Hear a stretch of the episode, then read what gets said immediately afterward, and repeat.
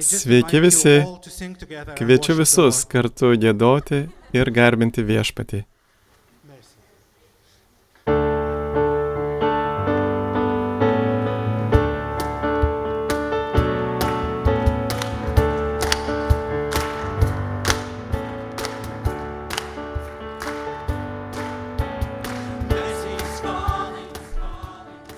Gėdama gesmi lies malonę.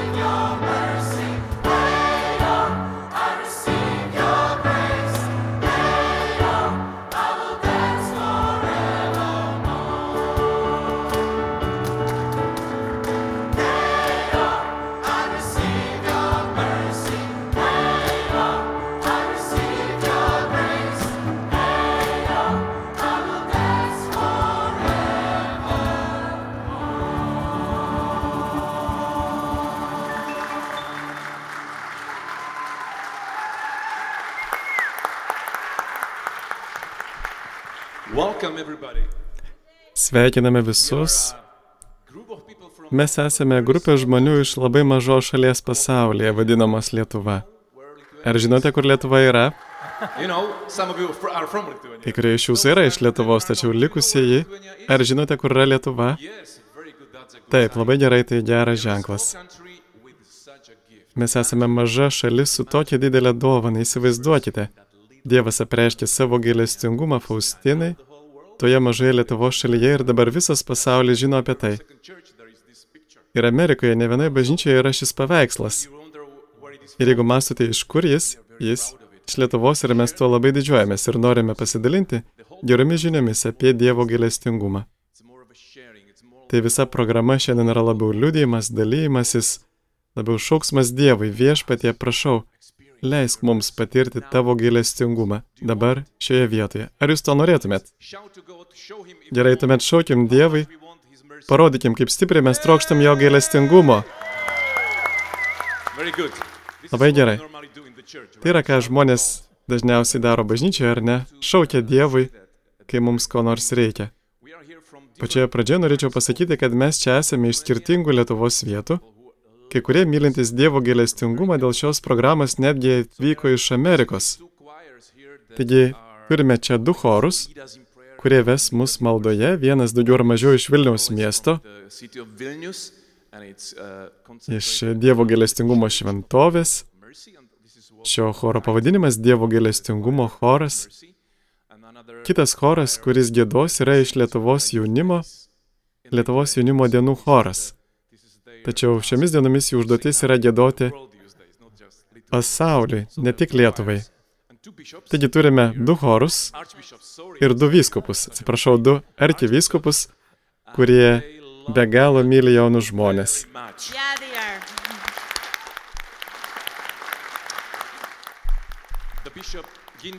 Arkivyskupą Gintarą iš Vilniaus ir Kestutį iš Kauno, dviejų didžiausių Lietuvos miestų because arkivyskupus. Jie yra čia su mumis, nes nenorėjo to praleisti, nenorėjo praleisti to, ką viešpats norės atlikti tarp mūsų. Taip pat norėčiau pristatyti dar vieną žmogų, jis amerikietis, kuris pamilo Dievo gailestingumą ir tai skleidžia visur. Jis yra filmų kuriejas ir su mumis šiandien pasidalins trumpu filmuku. Danielį Kurto štai, jis sėdi prie arkiviskupų. And there are some priests Su mumis taip pat yra keletas kunigų, juos pristatysime vėliau, kai jie lips ant scenos. Tačiau yra vienas išskirtinis kunigas, kunigė Povilai, ar galėtumėte atsistoti? Šis žmogus atsakingas už bažnyčią, kurioje yra šis paveikslas. Taigi jis labai privilegijuotas žmogus turintis ugnelę savyje, kuria dalinasi visur.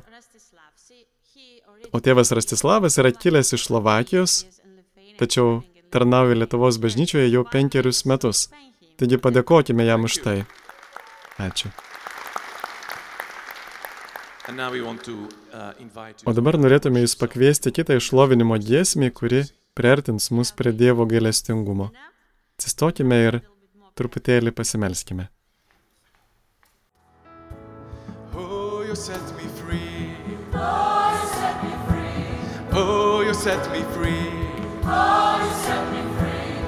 Oh, you set me free. Oh, you set me free. Oh, you set me free. Oh,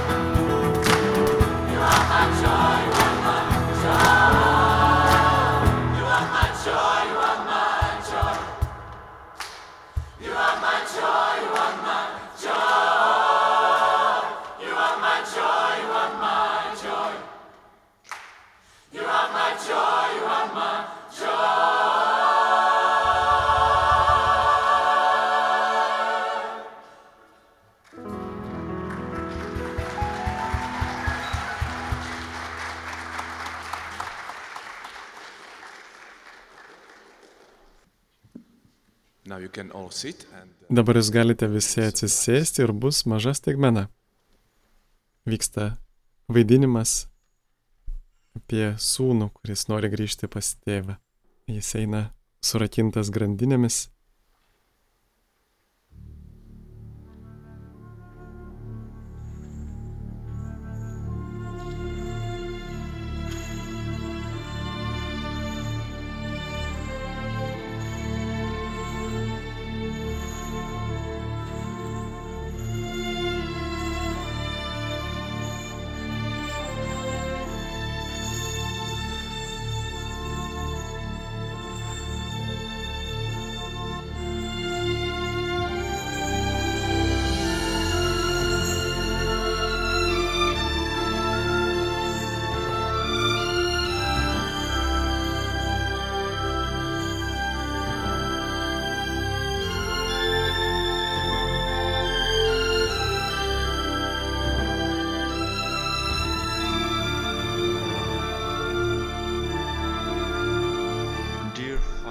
Brangus tėve, aš dažnai apie tave galvoju, bet kai prisimenu tave, man pasidaro labai neramu, nes bijau, bijau tos dienos, kai grįšiu namo.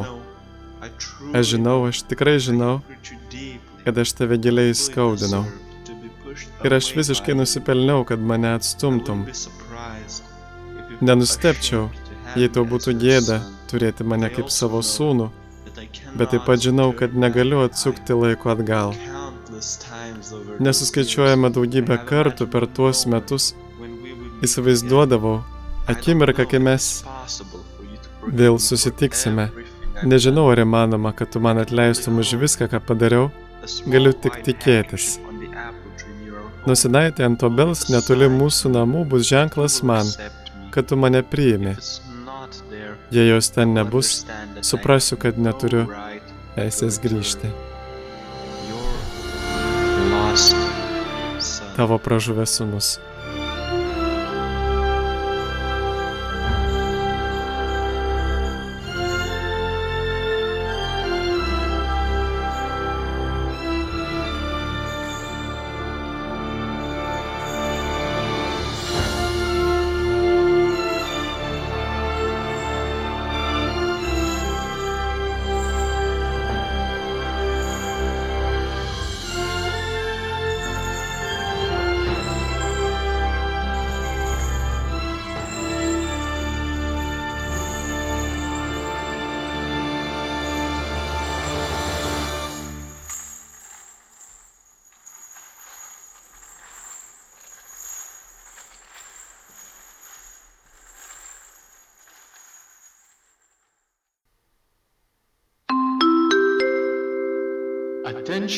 Dėmesio, dėmesio. Specialiai užsakytas autobusas iš pataisos namų atvyksta prie antros platformos.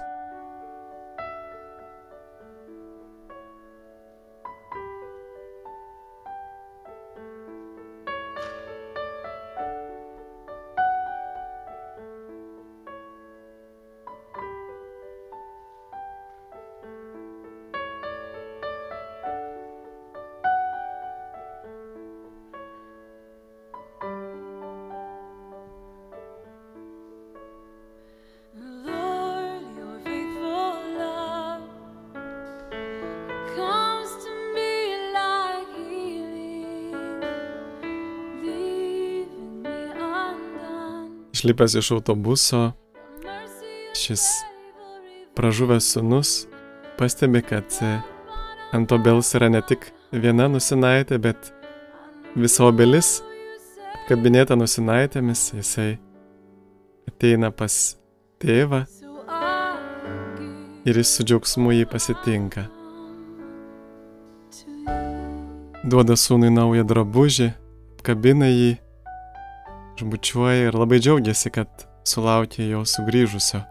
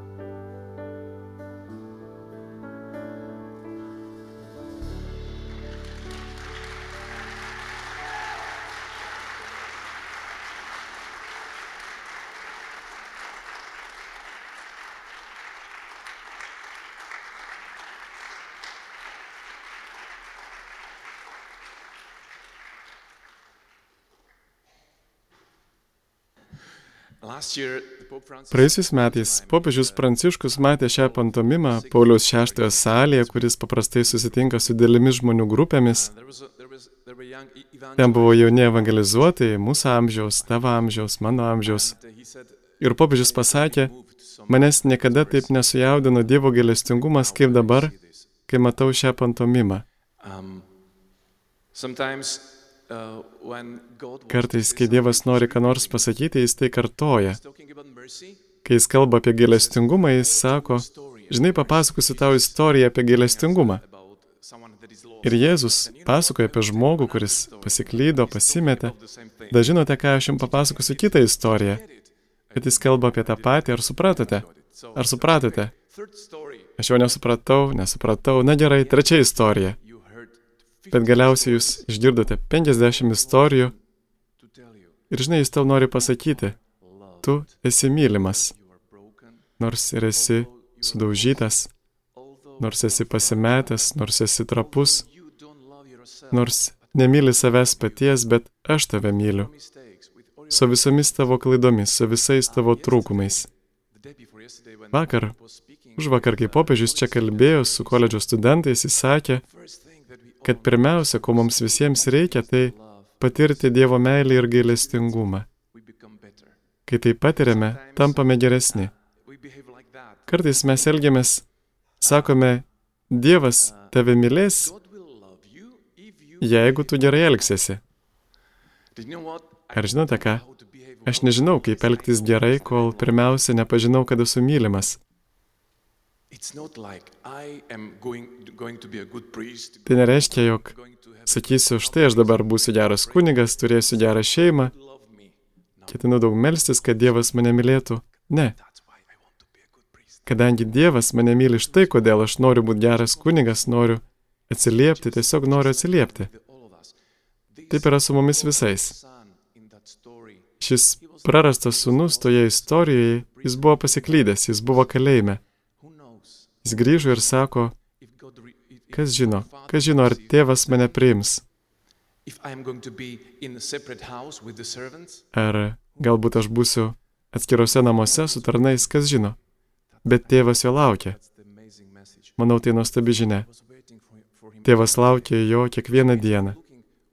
Jis laukia ir ieškojo, kur jis yra, kur yra mano sunus. Jis laukia jo net tada, kai sunus negalvojo apie Dievą.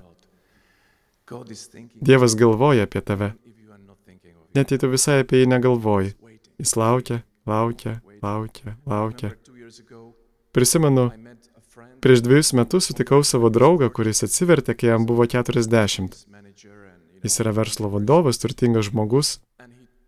Ir jis man pasakė, žinai, aš supratau. Ir jis verkė. Sakė, aš supratau, kad Jėzus laukia prie mano širdies durų 40 years. 40 metų. Jis ten stovėjo prie durų slengščio ir švelniai beldėsi 40 metų. Kai tai supratau, atidariau. Ir jis atėjo, o aš tiesiog verkiau ir verkiau. Nes jis laukė. Ne tada, kai sakiau, ne, aš tavęs nenoriu, eik šalin. Jis the Gal rytoj, gal poryt. Dievo gailestingumas yra čia, skirtas mums. Kaip tam sūnui. Jis gavo naują rūbą, jis gavo žiedą ant piršto. Tai reiškia, kad mes esame vaikai, karalių karaliaus vaikai. Kartais, kai būnu bažnyčioje ir aukoju mišes, matau žmonės ir stengiuosi matyti tikėjimu, kaip Dievas juos mato. Kartais stengiuosi įsivaizduoti, kad jie turi karūnas ant galvų. Visi jie, visi pakrikštytieji, nes jie yra karaliaus vaikai. Taigi, kai jie grįžta iš mišių, they may be lost. Jie gali būti liūdni, gali būti pasimetę, bet vis tiek yra Dievo vaikai. Šiandien yra diena, kai mes visi galime iš naujo atrasti Dievo gailestingumą. Bus maldos metas, melsimės už jūs visus, galite to pasinaudoti. Ir paskutinis dalykas, kurį noriu jums pasakyti, mes visi tiesiog norime būti Dievo gailestingumo tarnais. Taip pat šis laikas yra mūsų gailestingumo tarnystė jums visiems. Aš galvoju, žinote, toje istorijoje apie sūnų palaidūną arba apie tėvo gailestingumą, kaip jautėsi tarnai. Žinote, kai tėvas pamatė sūnų, jis sakė, Greitai eikite ir papjaukite riebų į jautį ir padarykit gerą vakarienę. Įsivaizduokit, kad tie tarnai visą gyvenimą, visą gyvenimą galės sakyti, aš dalyvavau gailestingumo šventėje, aš papjoviau jauti, kitas sakys, o aš jį iškepiau, o aš jį atnešiau ant stalo. Ir tada kiti tarnai sakys, bet ir mes dalyvavome. Aš atnešiau drabužius iš tėvo namų, kaip jis liepia. Kiti sakys, aš turėjau rankose sandalus sūnui, o kitas sakys, ir aš atnešiau tėvo žiedą.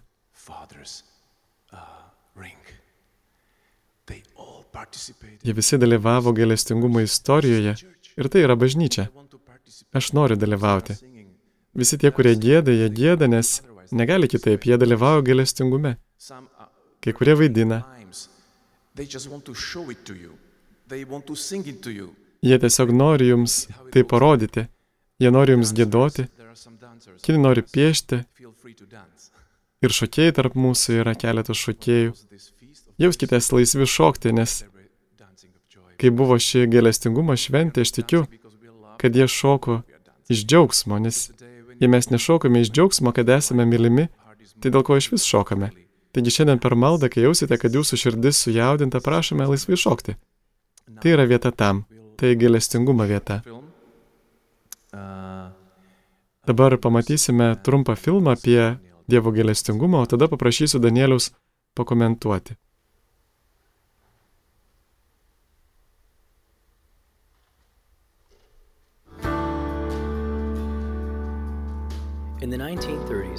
20 amžiaus trečiajame dešimtmetyje jauna Lenkų vienuolė vardu sesuo Marija Faustina Kovalskė turėjo nepaprastų pokalbių su Jėzumi vizijose. Jėzus sakė, nutapyk paveikslą pagal viziją, kurią matai su prierašu Jėzau, pasitikiu tavimi. Pažadu, kad siela, kuri gerbs šį paveikslą, nepražus. Taip pat pažadu pergalę prieš priešus jau čia žemėje, ypač mirties valandą. Aš pats ją ginsiu kaip savo šlovę.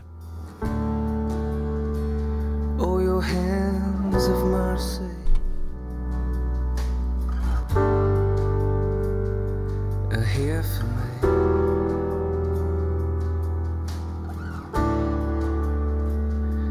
I've heard they are silken and can carry me.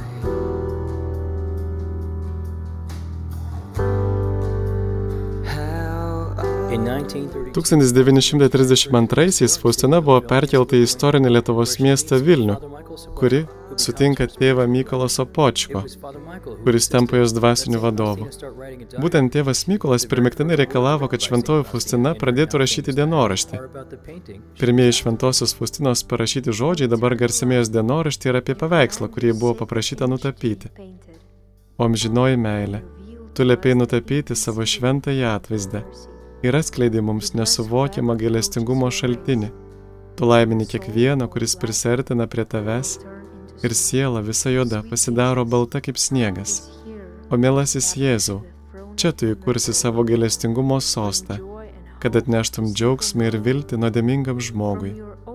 Iš tavo atviros širdies, kaip iš tyro šaltinio, teka paguoda atgilaujančiai širdžiai ir sielai.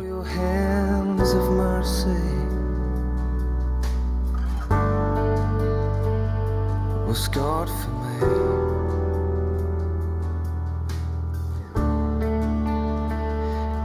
Body was broken so that I could go free.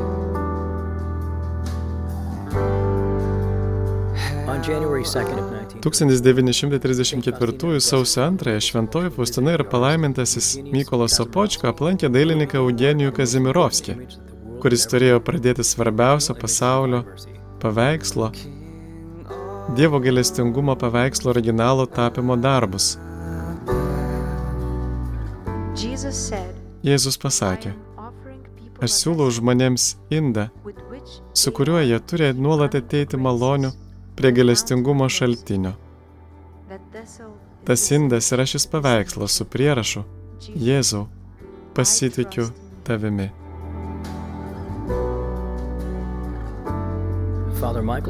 Tėvas Mykolas Sopočko savo atsiminimuose rašė, yra tik vienas, vienintelis paveikslas, kuris buvo nutapytas pagal Dievo tarnaitės sesers Faustinos apibūdinimą. Ir tas vienintelis paveikslas yra nutapytas Eugenijaus Kazimirovskio Vilniuje. Įmanė, jog šio paveikslo detalės yra labai svarbios. Svarbiausios jo detalės yra ne tik spinduliai, bet ir žemyn žiūrintis the žvilgsnis. inscription, Jesus, I trust in you. Užrašas Jėzau pasitikiu tavimi turėtų būti po paveikslu.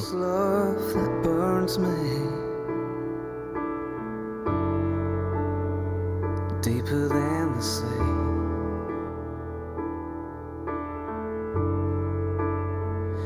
And the treasure I find here, the Savior's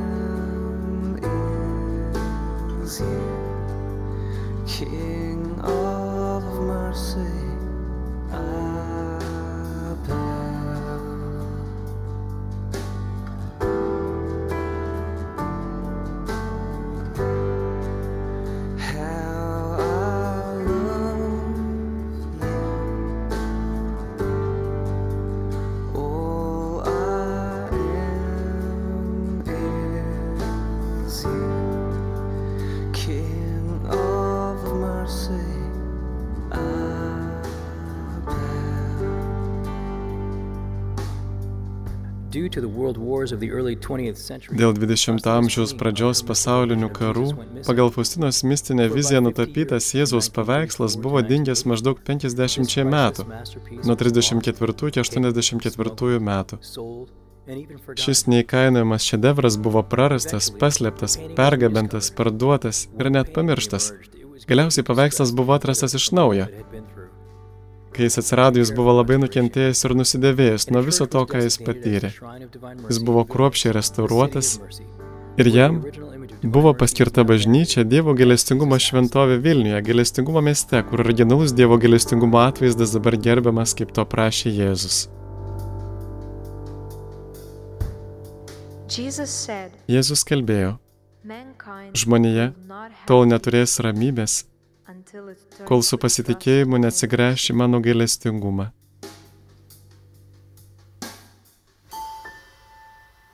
Jesus, Jėzau, pasitikiu tavimi.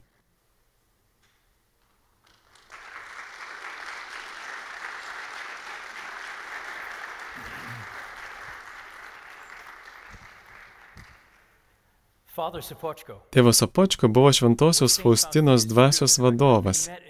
Jie susitiko Vilniuje Lietuvoje, kai buvo perkelta iš Lenkijos į Vilnių. Ji prisipažino savo motinai vyresniai, kad ji regėjo Jėzų vizijose ir todėl jie išsiuntė į patį šiauriausią vienuolyną iš visų, kurie jiems priklausė. Tėvas Apočko ir šventoji Faustina uoliai dirbo prie šio paveikslo su dailininku Eugenijumi Kazimirovskiu. Tada prasidėjo karas, Faustina mirė, buvo karas ir tėvas Apočko paliko Vilnių. O kai grįžo į Lenkiją, jis pamatė kitų menininkų darbus, kurie tapė kitas šio paveikslo versijas. Kažką panašaus jūs tikriausiai matėte.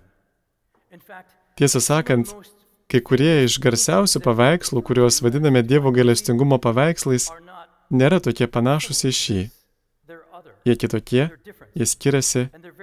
Ir jie labai Father Kai tėvas Opočko pamatė tuos paveikslus, jis parašė vienam iš dailininkų. Ypač jis parašė dailininkui vardu Hyva. Ir jis pasakė Adolfui Hyvai, kad jo darbas iš tiesų nėra patenkinamas. Jis teisingai netitiko detalių, kaip jį apibūdino šventoji Faustina. Iš tikrųjų, jis sakė, "Taking away kad tas paveikslas nutolo nuo pirminio šventosios Faustinos aprašymo. Jis net pasakė, ir tai galite perskaityti jo dienoraštyje, kad paveikslas, kuris buvo nutapytas, kuris dabar buvo platinamas visame pasaulyje, nutolsta nuo Dievo gailestingumo idėjos. Taigi tėvas Sopočko rašė tam dailininkui ir mums šio paveikslo aprašymą ir išryškino tam tikras detalės. Ir aš dabar pasidalinsiu tuo su jumis. Beje, jei norite perskaityti šį laišką, jis yra Lenkijos Bielistoko archyvose. Tėvas Sopočko aprašo šias detalės ir tai, kuo dabar su jumis pasidalinsiu, visą tai paremta jo raštais. Ne tik laišku Adolfui Hyvai, bet ir vėlesniais tėvo Sopočko Faustinos dvasios tėvo atsiminimais. Tėvas Sopočko beje pozavo paveikslų, kai sesuo Faustina bandė apibūdinti paveikslą dailininkui Eugenijui Kazimirovskijui. Aš eisiu nuo apačios iki viršaus ir išvardinsiu šias gražias detalės, kurios, kaip jis sakė, turėtų būti įtrauktos į Dievo galestingumo paveikslus, kad suprastume, ką Jėzus bandė pasakyti, kalbėdamas apie Dievo galestingumą. Pirma, Jėzus nestovi ant jokių grindų. Nėra nieko, kas paremtų kosmoso kurėją. Jam nereikia nieko, ant ko galėtų stovėti ir todėl nėra jokių grindų, lentų ar medžio. Prisiminkime, jei skaitėte dienoraštį, šventoji Fusina aprašo Jėzaus pasirodymą virš altoriaus arba plevenantį ore.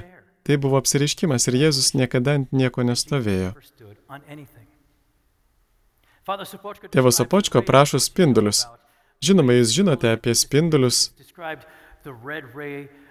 Jėzus apibūdina tai kaip raudoną spindulį, simbolizuojantį kraują ir baltą spindulį, simbolizuojantį vandenį. Tėvas Apočko sako, kad spinduliai liečiasi. Jie sklinda žemyn ir liečiasi susimaišo. Raudonasis spindulys, kuris simbolizuoja kraują, susimaišo su šviesiu spinduliu, kuris simbolizuoja vandenį. Kur jūs matėte kraują ir vandenį, kurie susimaišytų jūsų kasdienėme gyvenime? Gerai, gal ne kasdienėme gyvenime, bet gal sekmadieninėme gyvenime. O kaip per šventasias mišes, kai kunigas sumaišo vyną ir vandenį.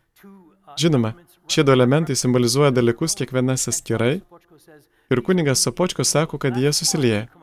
Štai kodėl, kai vėliau prieisite arčiau, po šio pristatymo pamatysite, kad yra raudoni brūkšneliai baltame spindulyje ir yra baltų dažų brūkšneliai raudoname spindulyje. Kodėl yra tie brūkšneliai? Taip spindulius apibūdino šventoji Faustina. Tai ne du spinduliai, sakė tėvas Sopočko. Tai vienas didelis spindulys, sudarytas iš dviejų spalvų, bet jos susilieja. Tėvas Sopočko jos apibūdina kaip sklindančius žemyn. Jie neina iš vienos pusės į kitą. Spindulys nėra mėlynas, jis nėra geltonas, jis nėra kitos spalvos raudonas, bet kraujo raudonumo. Ir jie leidžiasi žemyn. Kodėl jie leidžiasi žemyn? Nes ten esame mes. Tie iš mūsų, kuriems reikia gailestingumo, esame pačioje Jėzaus. Mes nesame tame pačiame lygyje. Jėzus sakė šventai Faustinai, mano žvilgsnis nukreiptas žemyn. Kodėl? Nes aš ieškau tavęs. Nuo kryžiaus. Jėzus ieško mūsų. Nuo savo kryžiaus. Todėl mes esame ten apačioje. Štai, kur jis mūsų ieško ir štai, kur krypsta jo spinduliai. Ir vėl, kai grįšite namo ir žiūrėsite į savo dieviškojo galestingumo paveikslus, patikrinkite, kur eina spinduliai. Pažvelkite į grindis, ant kurių Jėzus stovi. Tėvas Opočko sako, ne. Ne taip paprašė šventoji Faustina paveikslą ir savo viziją. Jis sako, kad spinduliai leidžiasi žemyn. Štai kur mes esame. Žvilgsnis leidžiasi žemyn. Štai kur mes esame. Štai ir daugiau detalių laiminanti Jėzaus ranka. Tai buvo nutapyta tuo metu, 1930-aisiais, kai Vatikanas buvo labai griežtas dėl kunigų liturginių gestų. Kunigai buvo mokomi, kad laimindami niekada nekeltų rankos aukščiau pėties. Tėvas Sopočko sako, kad ne piršto nagu aukščiau. O tai reiškia, kad ne aukštyn iškelta ranka. Kai grįžtė namo, patikrinkite savo dieviško gailestingumo paveikslus, atkreipkite dėmesį, kur yra ranka. Taigi tai yra kunigo palaiminimas. Kai kunigas laimina, jo ranka nėra aukščiau pėties. Tėvas Sopočko taip pat sako, kad labai svarbu, kuo Jėzus yra apsirengęs, tai nėra kuniga, tai yra alba ir kunigiška juosta.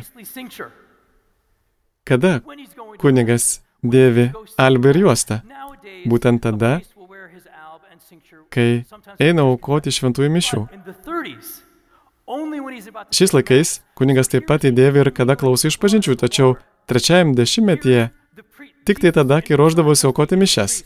Taigi čia susimaišo kraujas ir vanduo. Čia Jėzus ir kunigas, in persona Kristi, Kristaus asmenyje. Ir jis pasiruošęs aukoti mišes. Kur mes esame? Kai dalyvavome mišiose Kalvarijoje, pagal katalikų mokymą, kai esame mišiose, mes esame Kristaus nukryžiavimo vietoje. Nepakartojame Kristaus nukryžiavimą, bet dalyvaujame vienintelėme, amžinajame Kristaus nukryžiavime, kuris tęsiasi. Ir jo vaisiais galime naudotis dabar. Ir taip jis čia yra mistiniu būdu, ant kryžiaus. Ir jis ieško mūsų. Jei jis ieško mūsų nuo kryžiaus, esame kryžiaus papėdėje šventųjų mišių metu. Ir todėl ši kairioji ranka ne tik rodo, kai grįžtate namo ir žiūrėsite į Dievo galestingumo paveikslą, kurį turite, pažiūrėkite, jis ne tik rodo, bet ir duoda. Jis atveria savo albę, savo kunigišką albę ir jis dovanoja šią galestingumo srovę. Šie spinduliai, žinoma, simbolizuoja galestingumą tiesa.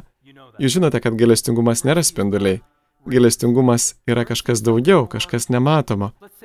Tai yra kažkas, ką galime suteikti, ką galime priimti. Dieviškasis galestingumas yra visai kas kita, bet tai nėra spinduliai. Neieškokite spindulių, ieškokite jo kitaip. Spinduliai simbolizuoja gailestingumą, sklindant iš Kristaus kūno. Kas yra Kristaus kūnas? Bažnyčia. Kristaus kūnas yra bažnyčia. Taigi gailestingumas ateina iš Kristaus kūno per šventąją katalikų kunigystę. Iš kur ateina gailestingumas dėka šventosios katalikų kunigystės per Kristaus kūną? Susitaikinimo sakramentas. Išpažinties sakramente. Per šį gailestingumo sakramentą. Štai kur galėtume sakyti, šis paveikslas veda mus per susitaikinimo sakramentą į Eucharistiją, į šventasias mišes. Jis ieško mūsų, laukia mūsų mišiose. Tėvas Opočko sako, kad jo žvilgsnis nukreiptas žemyn. O štai dar violetinė aureolė. Ar galite įsivaizduoti dailininką, kuris turi klasikinį išsilavinimą, studijavo Paryžioje, Florencijoje, išmano klasikinį meną, štai Faustina, kurie apie meną nieko neišmano, sako, na iš tikrųjų aureolė turi būti violetinė. O dailininkas, įsivaizduokime, atsako, prašau, neverskite manęs tapyti violetinės aureolės, mane draugai pajuoks. Visi žino, kad aureolė ant šventųjų galvų yra iš šviesos. Iš tikrųjų, tai Dievo šviesa sukuria aureolę virš šventojo. Čia yra pats Dievas, kurio aureolė yra violetinė, kuri žinoma simbolizuoja karališkumą. Jis karalius. Jis yra gailestingumo karalius. Taigi, grįžę, patikrinkite paveikslą, Dievo gailestingumo paveikslą, kurį turite, ar rasite šią detalę tame paveiksle. Taip, gali būti, kad jūs nerasite. Taigi, ne vienos iš šių detalių nebus tame kitame Dievo galestingumo paveiksle. Taip pat matome virš Jėzaus galvos yra šviesos vainikas. Ir tas šviesos vainikas atsispindintis virš Jėzaus galvos, iš kuris atsiranda? Iš tėvo. Čia yra tėvas, turime nuorodą į tėvą, sūnų ir šventąją dvasę. Tai švenčiausios trybės paveikslas, tai Dievo galestingumas. Nenusakomas, kaip sakė Jėzus, tai reiškia neišmatuojamas. Negalite pamatyti, kur baigėsi galestingumo spinduliai. Jie pasklinda ir jūs negalite pamatyti, kur baigėsi. Jūs turbūt girdėjote, kad šventai Faustinai nepatiko šis paveikslas. Ar jūs kada nors tai girdėjote? Ji to nesakė. Viskas, ką jis sakė, buvo štai kas. Kai paveikslas buvo atidengtas, ji verkė ir klausė Jėzaus, kas tave nutapys tokį gražų, koks esi iš tiesų. Pagalvokite, Mikelandželas nesugebėtų nutapyti Dievo grožio. Karavadžio negalėtų to padaryti. Tu, Jėzu, esi per daug gražus. Visi pasaulio menininkai, jeigu jie sudėtų savo talentus kartu, nesugebėtų įamžinti tavęs tokio gražaus, koks esi. Taigi tai nėra įžeidimas paveikslui. Tai komplementas Jėzaus grožiai, tai mistiniai vizijai, kurią turėjo šventoji Faustina. Taigi mes žvelgiame į šį paveikslą laukdami šio palaiminimo, šio kryžiaus ženklo, kur Jėzus tave daro gražų, tokį gražų kaip ir jis pats. Nes galiausiai tu esi Dievo paveikslas, Dievo atvaizdas. Tu turi sukurti iš savo gyvenimo Jėzų atspindinti meno kūrinį. Kuo tiksliau, kad šventoji Faustina susitikusi tave pasakytų, o, tu atrodai visai kaip Jėzus. Tegul jis tave nupiešia kryžiaus ženklų ir su tavo parašu Jėzau, pasitikiu tavimi. Kasdien padėk šį parašą kryžiaus papėdėje.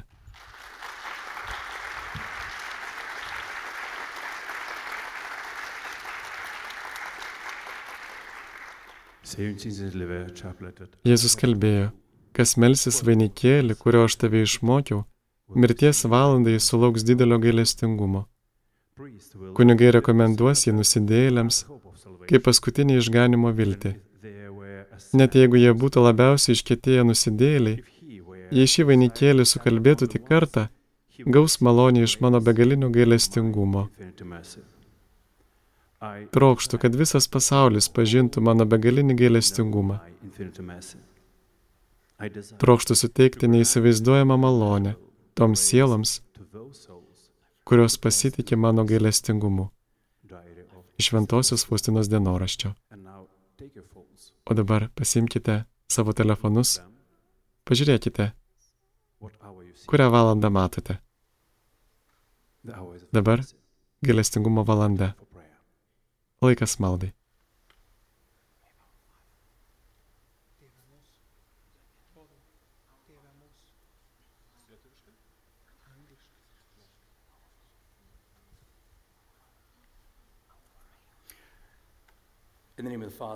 Vardant Dievo Tėvo ir Sūnaus ir Šventosios Dvasios. Amen. Tėve mūsų, kuris esi danguje, tiesie šventas tavo vardas, tėtinė tavo karalystė, tiesie tavo valia, kaip danguje, taip ir žemėje. Kasdienės mūsų duonos duok mums šiandien ir atleis mums mūsų kaltes, kaip ir mes atleidžiame savo kaltininkams ir neleisk mūsų gundyti, bet gelbėk mus nuo pikto. Sveika Marija, malonės pilnoji, viešpat su tavimi, tu pagirta tarp moterų ir pagirtas tavo sunus Jėzus. Šventoji Marija, Dievo motina, melsk už mus nusidėjėlius, dabar ir mūsų mirties valanda. Amen.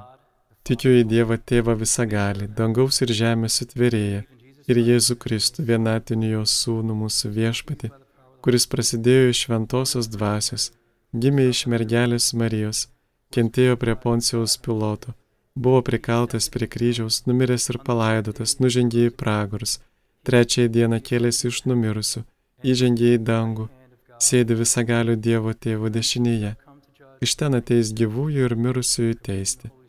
Tikiu į šventąją dvasę, šventąją visuotinę bažnyčią, šventųjų bendravimą, nuodėmę atleidimą, kūno iš numirusių prisikelimą ir amžinai gyvenimą. Amen. Dabar gėdamas Dievo galestingumo vainikėlis anglų kalba, gėda Lietuvos jaunimo dienų choras kartu su kunigu Povilu Narijausku. Amžinasis tėve, aukoju tau mieliausioje tavo sunaus, mūsų viešpatės Jėzaus Kristaus kūną ir kraują, sielą ir dievystę, permaldauti už mūsų ir viso pasaulio nuodėmes.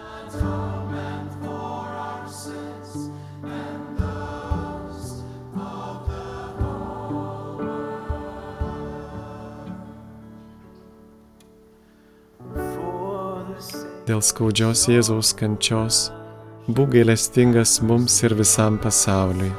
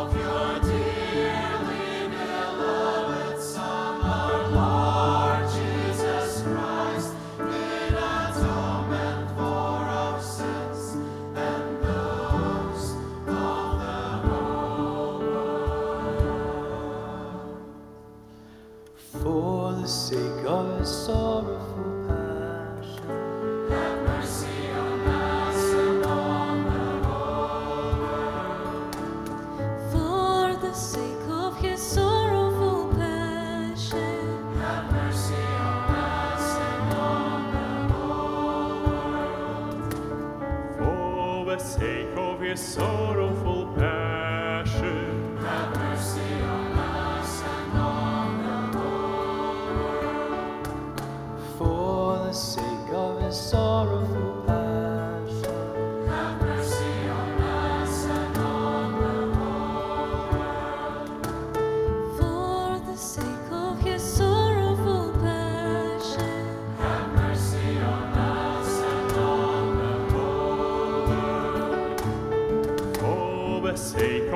of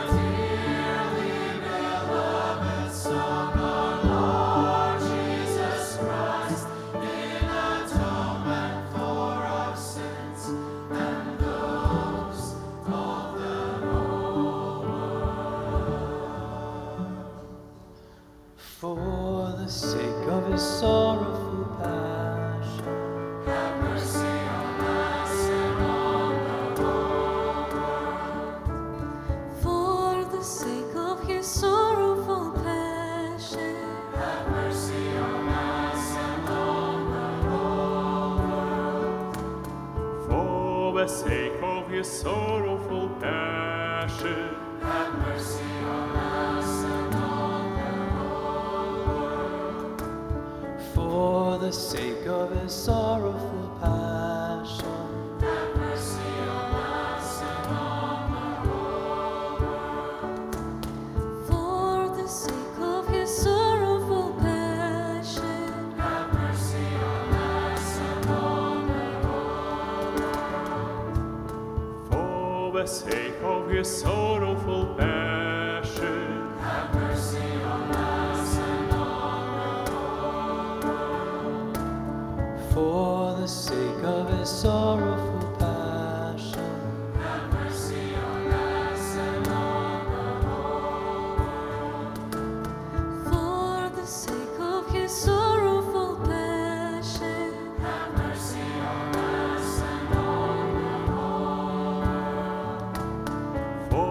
the sake of your sorrowful